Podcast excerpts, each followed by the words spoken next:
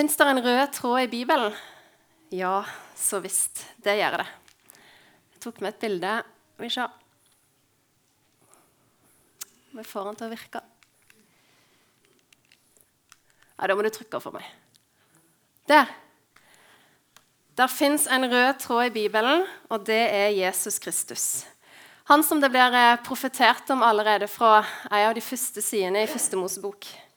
Igjen og igjen gjennom hele Bibelen så opplever vi at eh, Gud han åpenbarer sin frelsesplan for oss. Jesus i soning for våre synder på korset. Dette bildet er forresten henta fra Møre, fra amfiet vårt. Det er et, tre, et kors da, som vi brukte på påskevandringa vår. En av lærerne gikk ut bak skolen og hogna ei bjørk. Og Jeg vet ikke om dere klarer å se det, men her nå etter påske så opplevde vi noe helt fantastisk. Bjørk og spire. Klarer dere å se det? Rett under dette røde så kommer det altså nye skudd. Og Det har vi hatt flere andakter om nå i ettertid på, på skolen for elevene. For det ble så sterkt å se. Men den røde tråden, altså. Guds frelsesplan blir åpenbart for oss i Bibelen igjen og igjen. Og I dag så skal vi stoppe for en sånn tekst der Gud viser hva planer han har for sitt folk. Vi skal høre og lese litt ifra historien om Rahab, som vi møter i Det gamle testamentet. Etterpå vil jeg dele tre punkt med dere om hva jeg tror at Gud kan lære oss gjennom historien om Rahab. Vi får høre om Rahab i Josvas bok i kapittel 2, og senere òg litt i kapittel 6. Men vi kan òg lese om Rahab i Det nye testamentet. Både i Hebreabrevet og i Jakobs brev så møter vi Rahab igjen. I selve trusheltkapitlet, kapittel 11 i, i eh, Hebreabrevet, så får vi lese om Rahab. Og hvordan kan det ha seg at Rahab, ei prostituert, blir nevnt mellom trushelter som Noah og Abraham og Moses? Og hvordan kan det ha seg at vi òg finner Rahab igjen i Matteus 1, i Jesu ettertavle? Rahab blir altså tippoldemor til kong David. Hun blir svigermor til Ruth, som jeg jo med første øye kan tenke jeg må være det selve motstykket til ei dame som Rahab. Ruth og Rahab. Vi møter altså Rahab i Jesu ettertavle. Hvordan kan det ha seg? Historien om Rahab den skjer, eller går føre seg for ca. 1400, 1400 år før Kristus. På dette tidspunktet så har israelsfolket lagt bak seg 40 år i ørkenen. Moses er død, og Josva har tatt over som ny leder. Josva får beskjed av Gud om å innta det nye landet, det som Moses ikke fikk lov til å gå inn i. Og Josfa får beskjed om at han skal velge to speidere som skal gå inn i landet på forhånd og se hvordan, hvordan ting ligger til rette. Og de får beskjed om å spesielt se, se seg rundt i byen Jeriko, heimbyen til Rahab. Disse speiderne kan vi lese, de tar inn i huset til Rahab. Og det kan vi jo stusse på. Hvorfor to jødiske menn går inn i huset til ei som er kjent som en prostituert. Men hvis vi tenker litt etter, så er det kanskje ikke så dumt. De ville gå ubemerka hen, de ville holde seg skjult. Og det var nok ingen som løfta et øyenbryn eller to for at det gikk ukjente menn inn og ut av dørene til Rahab. Allikevel så ble speiderne oppdaga. Kongen får nuss at det er kommet to speidere inn i landet og han får nyss at de har tatt inn nettopp sjå Rahab. Derfor får Rahab beskjed fra kongen sine menn at hun må sende mennene til ham. Da gjør Rahab noe som kan være vanskelig å forstå. Og kanskje kan vi være uenige i det. Kanskje kan vi synes det er feil. Rahab lyver. Hun sier til kongens menn at ja, det var to speidere som kom inn her i huset mitt, men dere har akkurat mista dem. De har gått videre. Hvis dere tar ut noe og legger i vei, så klarer dere kanskje å ta det igjen. Sannheten var at eh, Rahab hadde gjemt dem på taket sitt. Hun skjulte dem. Rahab velger å lyge for å berge livet til to ukjente menn. Hvorfor? Svaret får vi når vi leser eller hører Rahab sitt vitnesbyrd for disse to mennene. Og Da skal vi lese fra Josvas bok, kapittel 2, og vers 9-11. Hun sa til dem, 'Jeg veit at Herren har gjeve dykk dette landet.' 'Nå har det kommet redsle for dykk over oss.' 'Alle som bor i landet, skjelv av gru for dykk.' For vi har hørt hvordan Herren tørka ut vannet framfor dere i Raudehavet da de drog ut fra Egypt. Og vi har hørt hva det gjorde med Sihon og Og, amorittkongene, på hi side av Jordan, da eh, de det slo med bann. Da vi hørte det, ble hjertet vårt fylt med redsle, og nå er det ingen som våger å møte dere. For Herren dykker Gud, han er Gud både i himmelen der oppe og på jorda her nede. For Herren dykker Gud, han er Gud i både himmelen der oppe og på jorda her nede. Rahab vågte å lyge fordi hun frykta Gud mer enn sin egen konge. Og Vi forstår mer av denne gudsfrykta til Rahab etter hvert som vi leser samtalen mellom, mellom Rahab og speiderne. Hun forstår at Gud vil utrydde folket hennes og byen hennes, og nå ber hun om nåde for seg og sine. Til gjengjeld så vil Rahab redde livet til speiderne. Hun ber om et sikkert tegn på at de vil berge henne og familien hennes når de inntar Jeriko. Mennene sier at ja, de vil verne om Rahab og familien hennes hvis hun holder ordet sitt om å ikke røpe dem. Huset til Rahab det lå i bymuren, denne tjukke, kraftige muren som lå rundt hele Jeriko.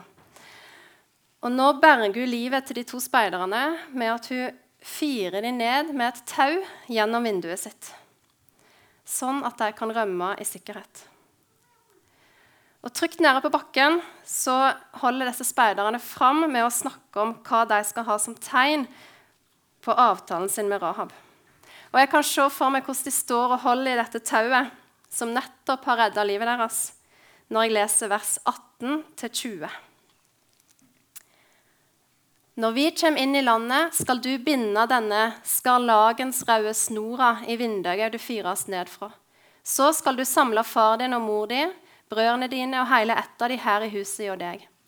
Går, no går da noen ut gjennom døra til huset ditt, så kommer blodet hans over hans eget hoved, og vi er uten skyld. Men blir det lagt hand på noen som er hjå deg i huset, skal blodet hans komme over våre hoved. Og dersom du forteller noen om ærendet vårt, så er vi løyste fra den eiden du tok av oss. Hun sa, la det være slik det sier. Så let hun dem fare. De drog av sted, og hun batt den skarlagensrøde snora i vinduet.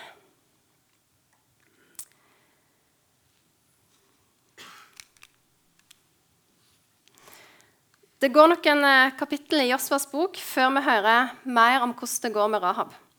I disse kapitlene får vi høre om når folket krysser Jordanelva.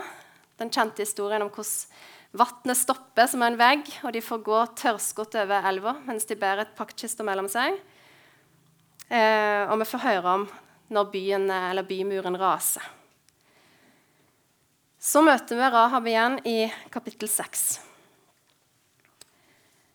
Og der, Det siste som står om, eh, om Rahab der, er at hun ble buende mellom israelsfolket helt til i dag. I Josva 6,25 står det. Dette er historien om Rahab, og Den finner vi altså i Josva 2 og 6. Tittelen for møtet i dag er 'Rahab et møte med Gud'. Rahab fikk virkelig et møte med Gud. Det skal vi få høre mer om. Og vi kan få et møte med Gud gjennom historien om Rahab. Jeg har laga tre punkt for det som jeg skal snakke om videre. som jeg håper kan hjelpe deg til å få et møte med Gud, og som jeg håper kan hjelpe meg til å få et møte med Gud, for det trenger jeg. Vi skal høre om Gud som dommer og frelser. Vi skal høre om Rahabs tru, og vi skal høre om at Gud så Rahab, og at Gud ser deg.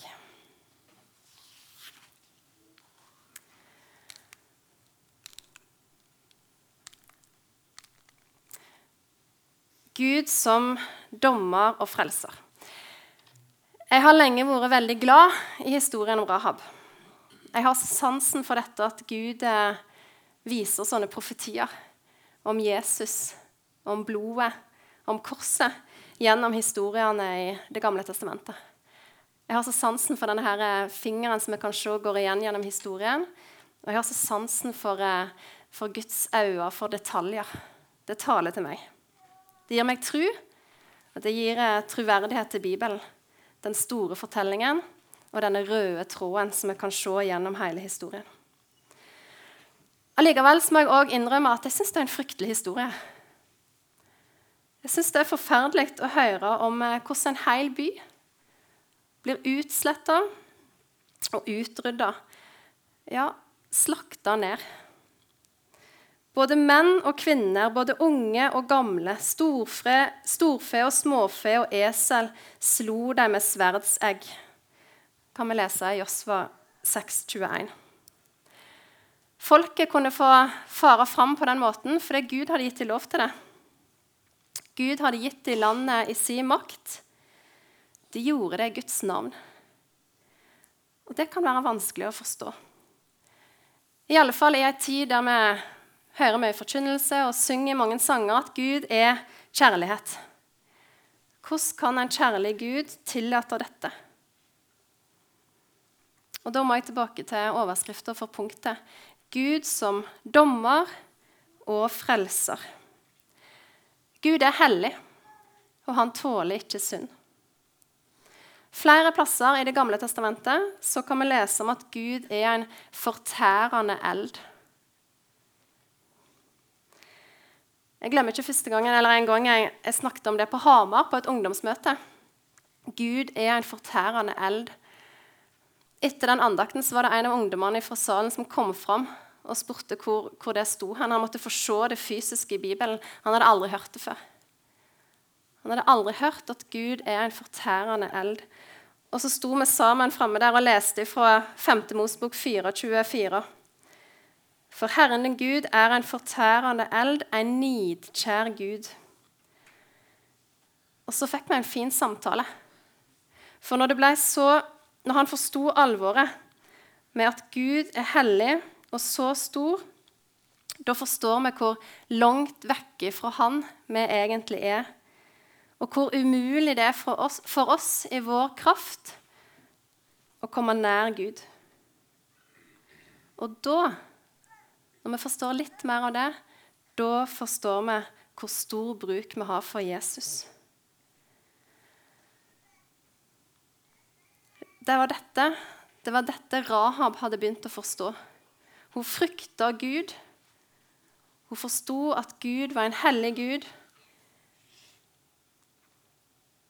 En Gud som ikke tålte synd. I vitnesbyrdet til Rahab, eller det vitnesbyrdet hun har for speiderne, så kommer det fram hvor stor frykt hun har for Gud, og det som han har gjort for folket sitt da når han redda folket fra egypternes i hånd, når han redda folket fra amorittkongene. Rahab forstår at hun befinner seg i en livsfarlig situasjon. På grunn av at hun er den hun er. Hun tilhører ikke Guds folk. Hun er ikke Guds barn. Hun trenger ei redning. Hun trenger nåde. Hun trenger noe som kan sette henne fri ifra Guds dom. Det fant Rahab i denne skarlagensrøde snora i vinduet sitt. Og det skal vi komme tilbake til. Gud holdt dom over Jeriko fordi han ville fullføre sin plan for folket sitt. En dag skal Gud holde en ny dom. Ikke noe synd, ikke noe vondt skal komme inn i himmelen. Og heldigvis for det. I sin kjærlighet har Gud kasta ut et tau til oss, en vei til berging og frelse, og det er Jesus. Og Vi leste her om, om disse speiderne som måtte forsikre seg om at Rahab og familien de måtte holde seg i huset. De måtte ikke prøve å gå ut en annen vei. De skulle være i huset til israelsfolket kom, og til de berga de. Det er bare én vei til himmelen. I apostelgjerningene 4 og 12 så står det at det er bare ett navn gitt under himmelen som vi kan bli frelst ved.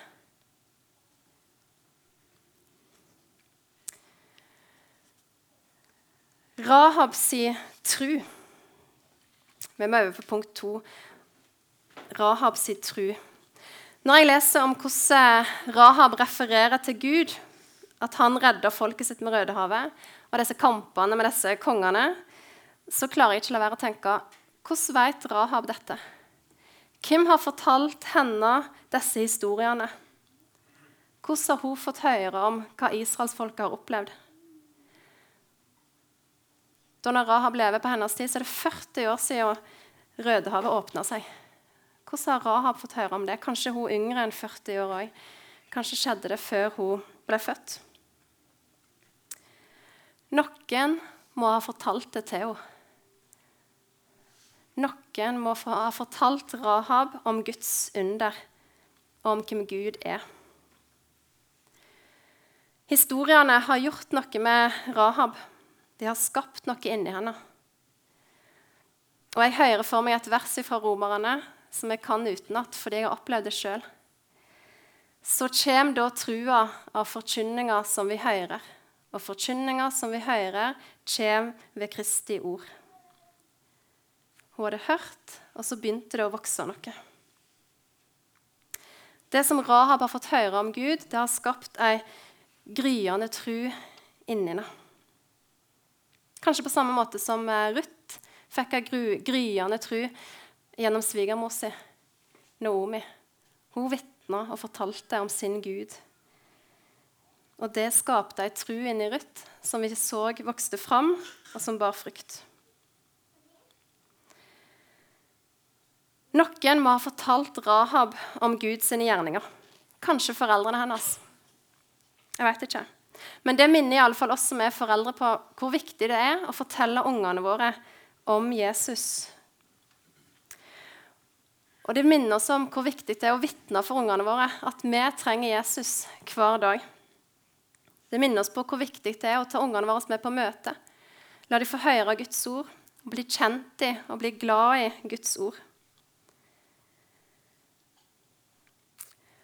På samme måte så kan historien om Rahab minne oss på hvor viktig det er å fortelle andre, venner, naboer, familier, slekta vår, om han som vi har møtt, om han som vi kjenner, om veien til himmelen. Rahab hadde ingen bibel. Rahab gikk ikke på møte. Men noen hadde fortalt henne noe. Dette kan lære oss noe om å dele av det som vi har fått. Det at Rahab hadde fått høre om Gud, det redda livet hennes. Ja, ikke bare hennes, men hele familien hennes. Det at Rahab hadde fått høre om Gud, det, visste, visste, det gjorde at hun visste hvem hun skulle kalle på på nødens dag. Hun visste hvem hun skulle rope på da når hun kom i vansker og var redd. Kall på meg den dagen du er i nød, så vil jeg fri deg ut, og du skal prise meg står det i Salme 50. Jeg syns det er verdt å stoppe for trua til Rahab. Vi kan se på vitnesbyrdet hennes igjen til disse to speiderne.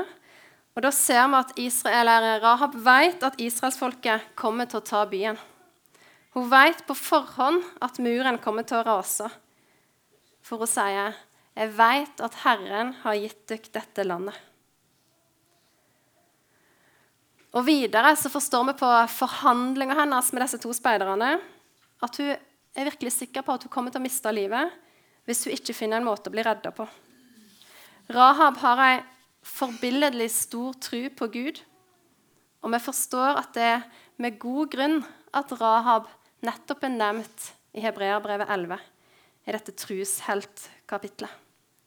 Ved tru slapp skjøtja Rahab å omkomme sammen med de vantruende, fordi hun tok imot speiderne med fred. Ved tru. Trua til Rahab er forbilledlig på en annen måte òg, for vi kan kanskje tenke at det er motet til Rahab som frelsende, som berger livet hennes. Dette at hun er så modig at hun våger å lyge til kongen om at hun har gjemt to speidere på taket. Men det er ikke gjerningene til Rahab som frelser henne. Det er ikke det at hun fyrer to menn ned ifra vinduet sitt, som frelsende. Det er trua på at Gud er mektig til å redde livet hennes, som frelsende.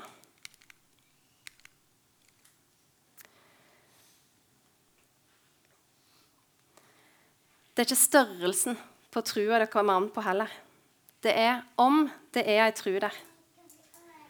I Efeserane 2,8 så leser vi For av nåde er det frelst ved tru. Og dette er ikke av dere sjølve, det er Guds gåve. Det er ikke av gjerninger, så ingen skal rose seg. Det er ikke størrelsen på trua, men at det var ei tru der. Som prostituert så var nok ikke Rahab særlig populær i byen. Og mange snakket sikkert om henne bak ryggen på henne. Hva ville vel ikke vi gjort hvis vi hadde hatt ei Rahab mellom oss? Sånn er vi mennesker. Vi ville ha rista på hodet, og ja, sagt både det ene og det andre om denne personen. Men Gud er ikke sånn. Igjen er Gud så annerledes, så annerledes enn oss. Gud så til hjertet på Rahab, og der fant han ei tru. I 1. Samuel 16 vers 7 så kan vi lese Jeg ser ikke på det mennesket ser på, for mennesket ser på det som faller i øynene, men Herren ser til hjertet.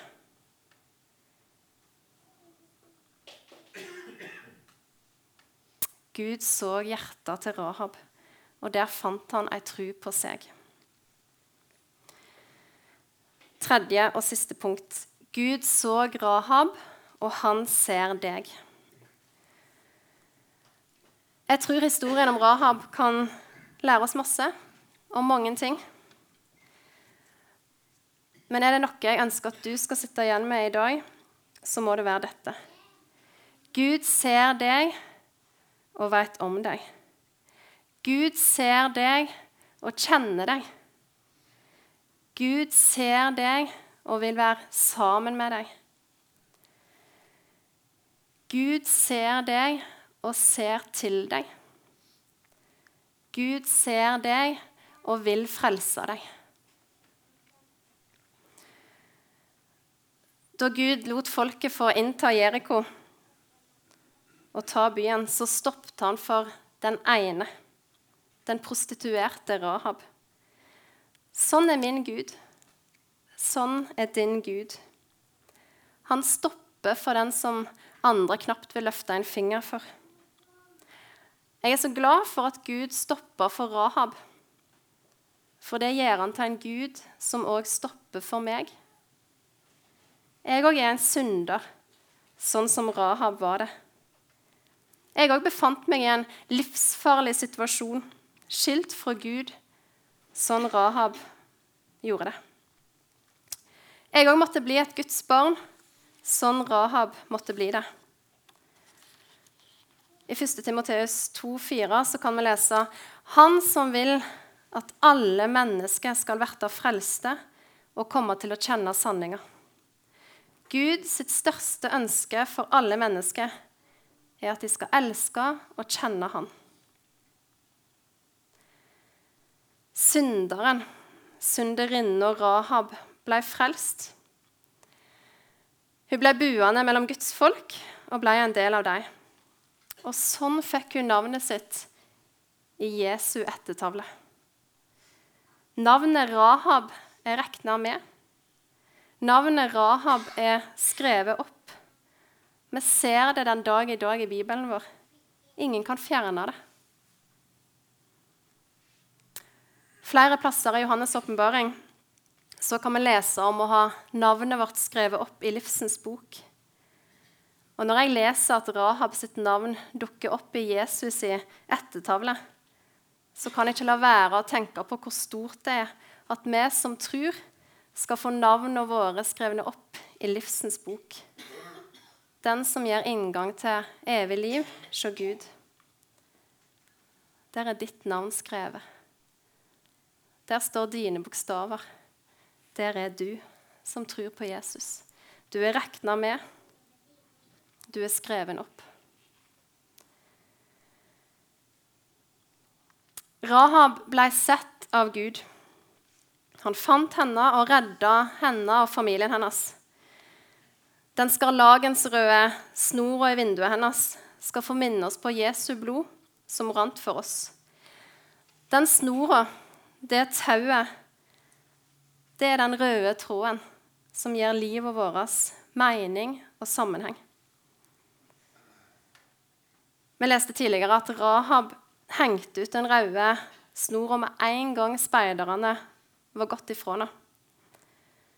De sa at hun skulle henge det der når de kom tilbake, men hun hang det ut med en gang. Hun venta ikke med å henge det ut. Hun vegra seg ikke for å vise at hun venta på ei redning.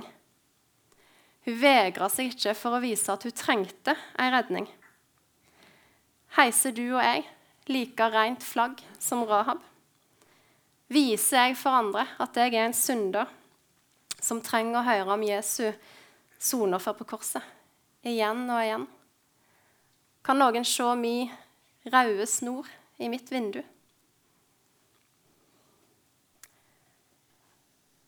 Den røde snora i vinduet, den ga framtid og håp, og det trenger jeg. Jeg skal avslutte, men jeg har så lyst til å fortelle dere en liten historie til. Som jeg har gått og båret på hele veka, og jeg har delt det med noen av dere allerede. Denne veka har vi feira kongefamilien, eller kongeparet, som ble 80 år. Og I den forbindelse var det mange som skrev i sosiale medier og gratulerte kongeparet med dagen. Og så leste jeg noe på en eh, Facebook-kanal som jeg syntes var så nydelig. Det er et utdrag fra en artikkel som er skrevet noen år tilbake i tid av eh, NRK, eller han som jobber i NRK, Tom Christiansen, journalisten. Han skriver om noe som skjedde 22.07.2011. Da hørte vi masse fra Sundvolden hotell. Dette hotellet der eh, de forulykka på Utøya tok inn, der pårørende kom, og der media òg kom. Men det er én historie fra Sundvolden hotell som ikke er fortalt til så veldig mange. Og denne skriver Tom Christiansen om i, i uh, artikkelen sin. Han forteller om uh, to jenter som gikk rundt i resepsjonen i kveldinga på ettermiddagen 22.07.2011. De var nesten nakne. De gikk i dusjhåndkle, pakka inn i hvert sitt dusjhåndkle. De var livredde. De grein. De hadde det vondt. Og de gikk rundt der og virra i resepsjonen og hadde det forferdelig pga. det de hadde opplevd. Kanskje var de i sjokk.